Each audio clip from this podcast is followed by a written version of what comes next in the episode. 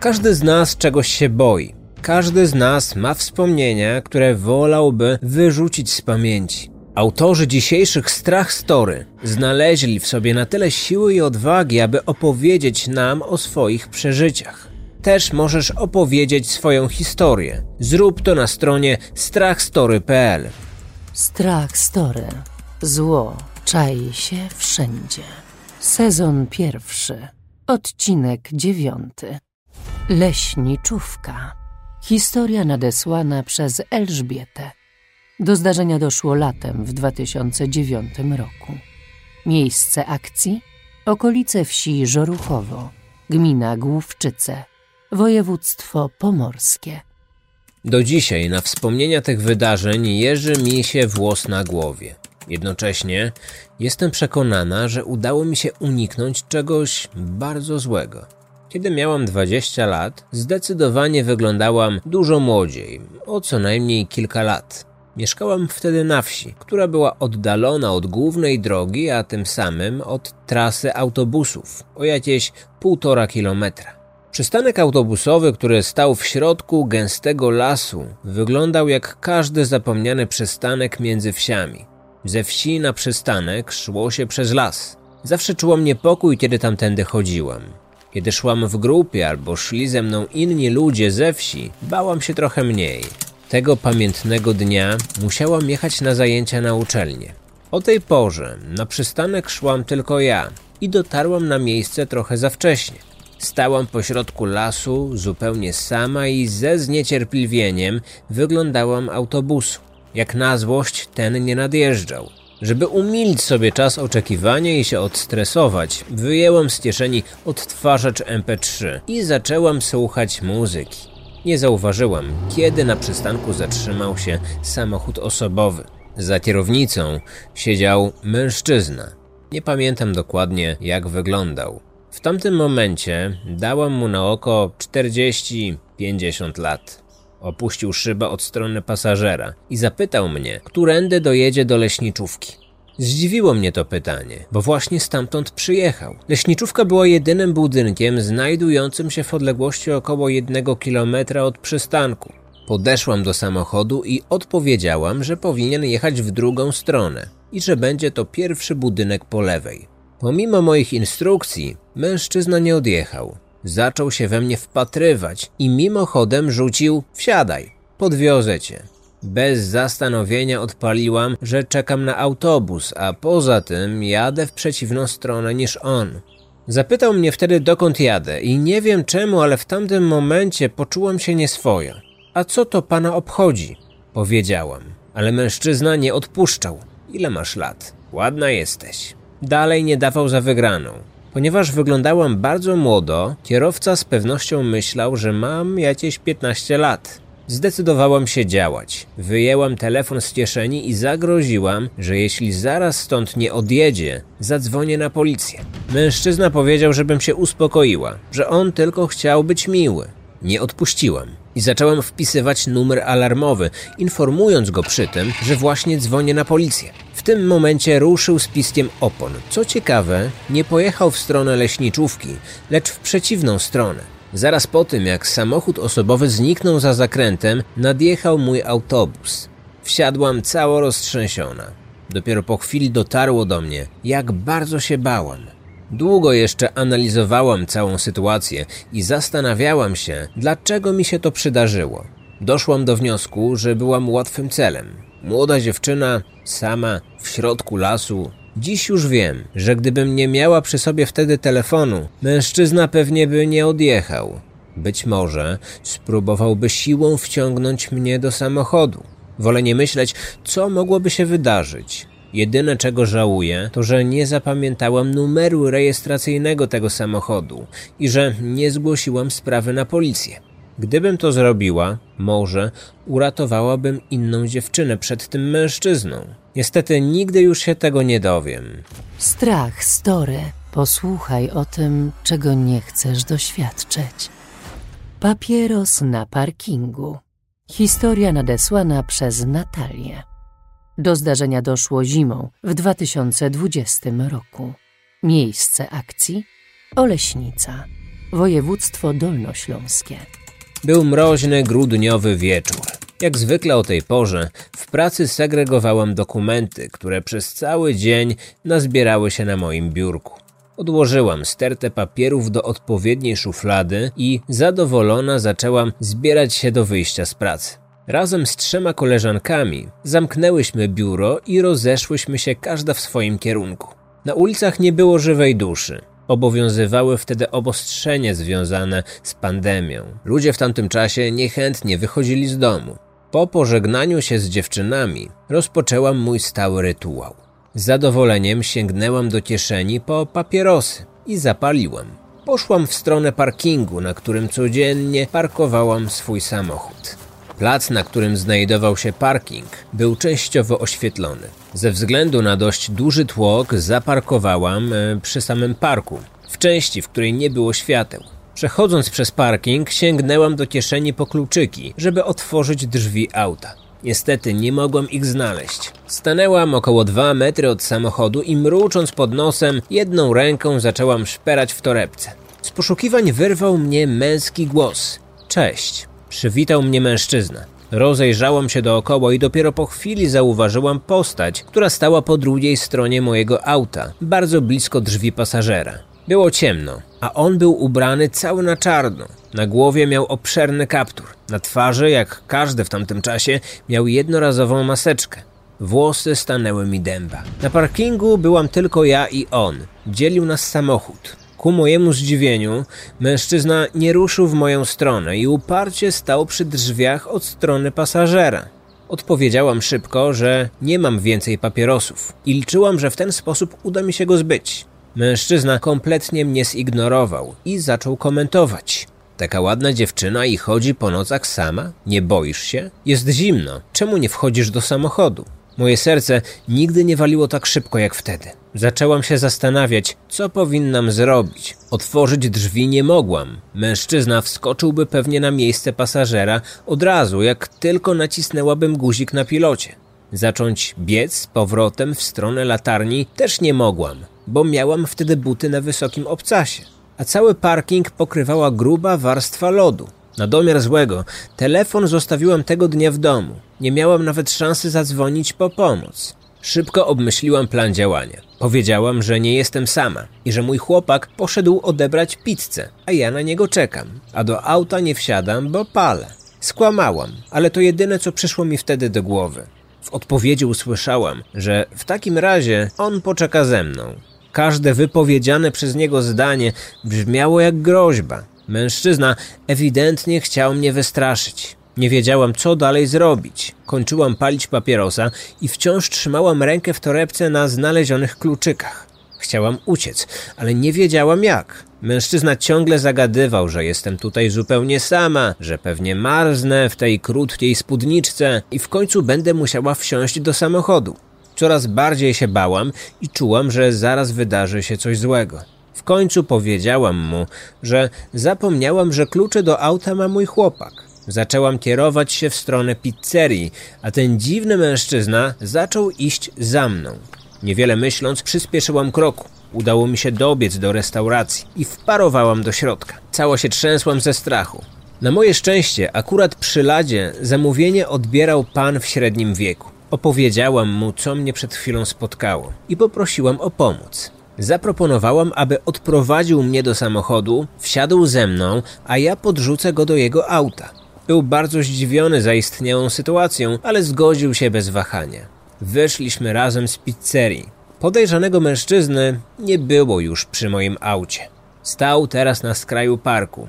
Ewidentnie nie uwierzył w moje słowa i czekał na rozwój sytuacji. Pokazałam go panu z pizzerii. Mój wybawca zaczął do niego krzyczeć, żeby lepiej uciekał, bo inaczej za siebie nie ręczy. Dziwny mężczyzna zniknął w głębi parku. Bezpiecznie odjechałam z parkingu. Po przejechaniu kilku kilometrów musiałam zjechać na pobocze. Wpadłam w histerię i musiałam się uspokoić. Do dzisiaj nie wiem, co ten człowiek chciał mi zrobić, ale jestem pewna jednego. Gdyby nie moje roztargnienie i otworzyłabym drzwi samochodu od razu, on wykorzystałby okazję. Czy chodziło o kradzież auta? Zgwałcenie? Może by mnie porwał moim własnym samochodem, a może był to tylko zdziwaczały typ, który lubił straszyć młode dziewczyny. Od tamtej pory samochód otwieram dopiero kiedy jestem przy drzwiach. Kupiłam też gaz pieprzowy i parkuję tylko w oświetlonych miejscach. Nigdy nie zapomnę strachu, który wtedy przeżyłam. Było w tym człowieku coś niebezpiecznego. Jestem kobietą bardzo pewną siebie, a podczas tej krótkiej rozmowy czułam się jak sarna, na którą poluje wilk. Nikomu nie życzę takiej sytuacji. Do dzisiaj miewam napady lęku, kiedy wieczorem mijam obcego mężczyznę.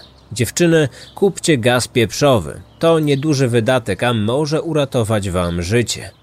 Zgubieni w lesie. Historia nadesłana przez słuchacza, który chce pozostać anonimowy. Do zdarzenia doszło latem w 2007 roku. Miejsce akcji mała miejscowość w powiecie strzelińskim, województwo dolnośląskie. Strach story, które chcę opowiedzieć, wydarzyło się, gdy byłem w drugiej lub trzeciej klasie szkoły podstawowej. Po latach nie tyle zapomniałem, co wyparłem to z pamięci. Niedawno spotkałem kolegę, który przeżył to ze mną. Pierwsze, co wspominaliśmy po latach braku kontaktu, to właśnie to wydarzenie. Uświadomiłem sobie, że sytuacja była poważna i do dziś czuję niepokój, myśląc o tym, co mogło się wydarzyć. Wszystko zaczęło się słonecznego letniego dnia. Mój najlepszy kolega z klasy zaprosił mnie do swojego domku letniskowego. Rodzice odwieźli mnie do niego z samego rana. Od razu zaczęliśmy grać w piłkę. Tak minął nam poranek i południe. Po obiedzie wpadliśmy na pomysł zorganizowania wyprawy rowerowej. Gdy po około 40 minutach dotarliśmy do szlabanu pod lasem, kolega zaproponował, żebyśmy pojechali dalej. Zapewnił mnie, że doskonale zna ten las, więc na pewno się nie zgubimy. Oczywiście wszystko potoczyło się inaczej. Błądziliśmy w lesie kilka godzin. Wyprawa okazała się wyczerpująca. Po drodze wpadliśmy w bagno i zniszczyliśmy nasze rowery. Mi zerwał się łańcuch, a mojemu koledze znacząco poluzowało się koło. Byliśmy głodni i zmęczeni. Wokół nie było żywej duszy, nie mieliśmy mapy, nie wiedzieliśmy, w którą stronę powinniśmy jechać. Cały czas staraliśmy się wyjść z lasu. Niestety zaczęło się powoli ściemniać. Nagle znikąd pojawił się mężczyzna w podeszłym wieku. Był chudy i zaniedbany. Jechał sobie jak gdyby nigdy nic przez las na składaku, z koszykiem, w którym wiózł siekierę. Pobiegliśmy w jego stronę i poprosiliśmy o pomoc w odnalezieniu drogi powrotnej. On jedynie szorstko odpowiedział, żebyśmy jechali za nim. Chwilę szliśmy za nim, aż dotarliśmy do rozwidlenia. Nic nie wzbudzało moich podejrzeń i z zaufaniem szedłem za nieznajomym. Mój kolega miał jednak złe przeczucia. Ocenił sytuację na trzeźwo i wskazał mi boczną drogę, którą ominął nasz przewodnik. Powiedział, że kojarzy to miejsce i poprosił, żebym mu zaufał. Kolega chciał iść w zupełnie inną stronę niż ten mężczyzna. Niewiele myśląc, zaczęliśmy biec. Ciągnęliśmy ze sobą nasze rowery, pozostawiając tego mężczyznę daleko w tyle. Po chwili usłyszeliśmy za sobą donośny gardłowy krzyk. Ten dziwny typ krzyczał za nami, przeklinał, próbował nas znaleźć, ale nie mógł nas zobaczyć. Nigdy nie dowiem się, jakie intencje realnie miał ten człowiek. Nie wiem, czy chciał nas gdzieś wywieźć, czy naprawdę chciał nam pomóc. Kto wie, może gdyby nie mój kolega, nie opowiadałbym dzisiaj tej historii. Jedyne co wiem, to że ten mężczyzna chciał nas poprowadzić w zupełnie innym kierunku niż go prosiliśmy. Kolczyki. Historia nadesłana przez Dominikę.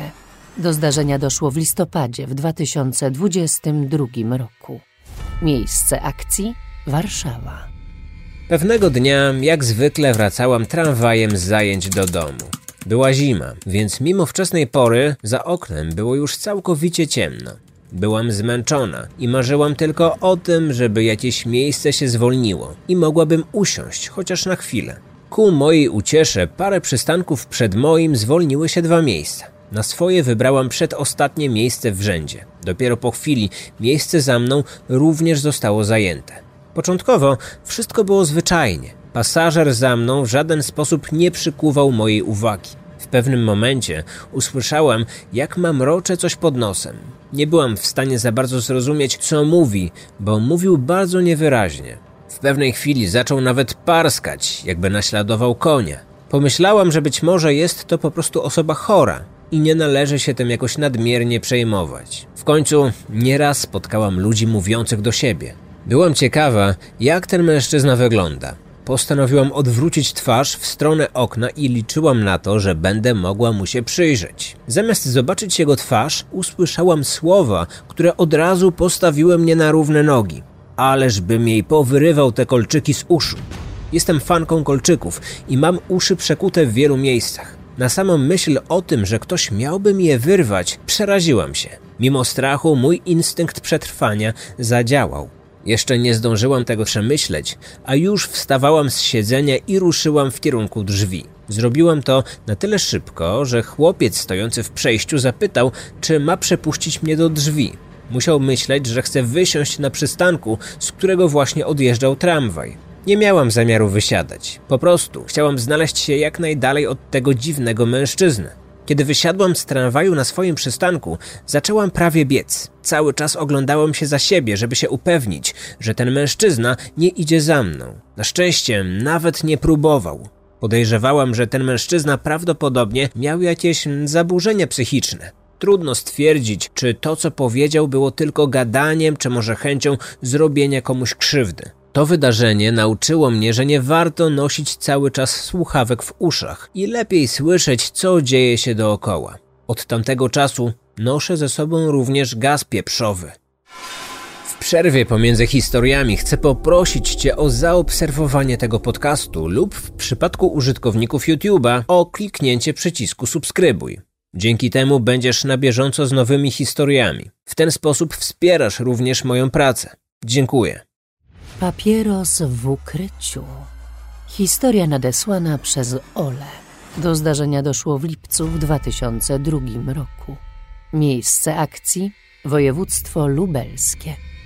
Było wtedy ciepłe lato, a ja nie miałam żadnych planów na wakacje. Zwykle włóczyłam się z koleżankami po okolicy. Na obrzeżach mojego miasteczka jest dolina rzeki, kawałek lasku, małe wzniesienia i pola. Typowy krajobraz dla województwa lubelskiego. Często spędzałyśmy czas w dolinie rzeki. Nasi rodzice nie lubili, kiedy tam chodziliśmy, bo to odludzie i czasem kręcili się tam panowie lubiący mocniejsze trunki. Pamiętam, że gdy miałam 14 lat, wybrałyśmy się tam kiedyś z koleżanką. Zeszłyśmy ścieżką na dół, z dala od bloków i ukryłyśmy się w krzakach, żeby zapalić papierosa. Po chwili zobaczyłyśmy mężczyznę, który stał trochę dalej i gapił się na nas. Wystraszyłyśmy się, że może zwróci nam uwagę lub powie rodzicom, że palimy. Za chwilę zobaczyłyśmy, że mężczyzna idzie za nami. To jeszcze nas nie zaniepokoiło, ale postanowiłyśmy go zgubić, bo chciałyśmy dokończyć papierosa. Wybrałyśmy mało uczęszczaną ścieżkę, ale po chwili zorientowałyśmy się, że wciąż szedł za nami. Poczułam lekkie zaniepokojenie, ale wciąż miałyśmy wrażenie, że ten mężczyzna po prostu spaceruje. Mężczyzna został w tyle i na chwilę straciłyśmy go z oczu. Weszłyśmy na dość stromą górkę i stwierdziłyśmy, że idziemy dalej przed siebie. Nie chciałyśmy zawracać, żeby nie spotkać tego dziwnego mężczyzny. Coś mnie podkusiło, żeby podejść i spojrzeć w dół skarpy i o mało nie zemdlałam. Ten dziwny typ wspinał się pod górę rękami i nogami. Był już bardzo blisko. Wtedy rzuciłyśmy się do ucieczki. Obejrzałam się, a on był już na górze i szedł w naszą stronę. Jedną rękę trzymał na rozporku i wpatrywał się w nas okropnym, martwym wzrokiem. Udało nam się uciec na osiedle. Dotarłyśmy tam brudne i podrapane, bo po drodze wpadłyśmy w dzikie jeżyny. Od tego czasu odechciało mi się spacerów w tamto miejsce. Tego mężczyzny nigdy potem już nie spotkałam. Nie wiem, czego tak naprawdę od nas chciał. Mogę się tylko domyślać. Gdyby był ekshibicjonistą, pewnie nie szedłby za nami tak daleko. Nie miałyśmy jeszcze wtedy telefonów. Gdyby to działo się teraz, pewnie któraś z nas zrobiłaby mu zdjęcie, może zadzwoniłybyśmy po rodziców lub na policję. Wtedy nawet nie powiedziałyśmy o tym zajściu rodzicom. Z perspektywy czasu ta sytuacja wydała mi się groźna. Często wracam do niej myślami. Zastanawiam się, co mogłoby się zdarzyć, gdybym wtedy nie spojrzała w dół. Motorola z antenką. Historia nadesłana przez Martę. Do zdarzenia doszło w 2007 roku. Miejsce akcji Kłodzko. Popatrz, jaka ładna pani. Usłyszałem, kiedy szłam po zmroku ulicą Dworcową w Kłodzku.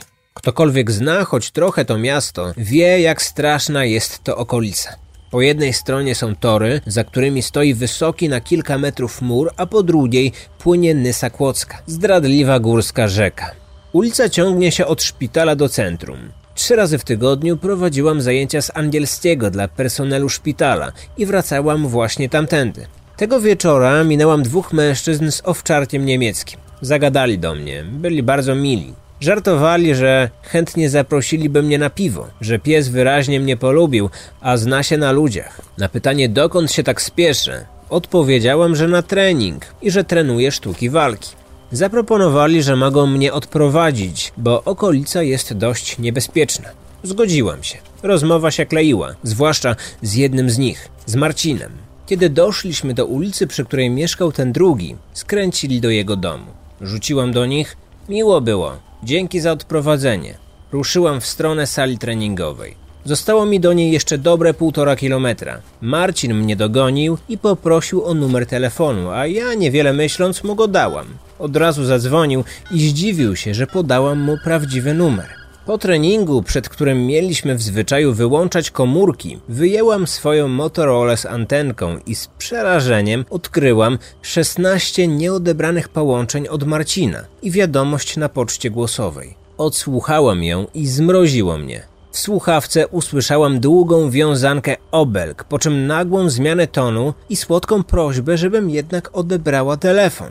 Następnego dnia zaczęło się moje małe piekło. Szósta rano, telefon. Odebrałam i usłyszałam głos Marcina. Pytał, jak się spało, dlaczego wczoraj nie odbierałam, jakie mam plany na dziś. Po chwili zaczął pytać, gdzie mieszkam, po czym stwierdził, że i tak mnie znajdzie i nigdy mnie nie opuści. Spanikowana zakończyłam połączenie. Dwie minuty później kolejne połączenie, potem kolejne i kolejne, i tak do późnego wieczora. Kiedy nie odbierałam, pisał SMSy. Zaczął od malutka, kocham cię, jesteś moja, by po kilku minutach zmienić kompletnie ton i krzyczeć przez zęby. Wstrętna kurwo, nie chcesz mnie? Masz się za lepszą? Zapłacisz za to. Kiedy odbierałam, nie odzywał się, ale jak tylko się rozłączyłam, dzwonił znowu. Tak dochodziło do kilkuset połączeń i SMS-ów w ciągu doby.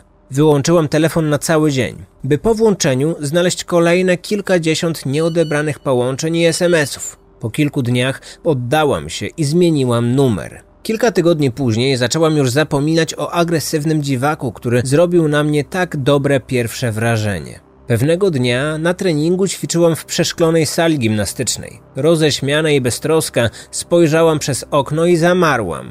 Na trawniku przed salą stał on. Patrzył. Na następnym treningu też tam był. Po kolejnym przyszedł z kolegami. Podeszli bliżej wyjścia. Czekali i krzyczeli w moją stronę. Całe szczęście trenowałam z całkiem pokaźną grupką chłopaków, więc Marcin z kolegami bali się podejść. Gdy nasz trener zorientował się, co się dzieje, podszedł do nich, coś im powiedział. Odeszli. Trener nigdy nie chciał mi zdradzić, o czym wtedy rozmawiali.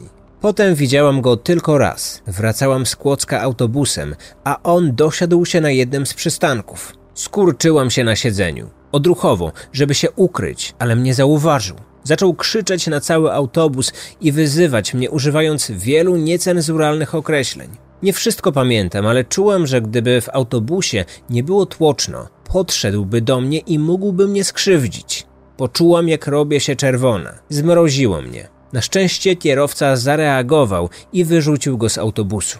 Zanim pomyślisz, drogi słuchaczu, że to prosta sprawa, którą można załatwić jedną szybką wizytą na policji, zwróć uwagę, że były to czasy, kiedy stalking jeszcze nie był nawet ujęty w kodeksie karnym, a kartę SIM można było kupić w każdym kiosku, bez rejestrowania jej gdziekolwiek. Niestety w czasach Motorola z antenką zablokowanie numeru czy sprawy o nękanie wcale nie były proste. Jeśli chcesz się ze mną skontaktować, zapraszam Cię na stronę strachstory.pl. A już w nadchodzący czwartek słyszymy się w dziesiątym odcinku Strach Story. Zapraszam na finał pierwszego sezonu, już za tydzień. Do usłyszenia. Historie przedstawione w tym podcaście pochodzą od słuchaczy, a twórca podcastu polega na zapewnieniach słuchaczy o ich oryginalności oraz rzetelności.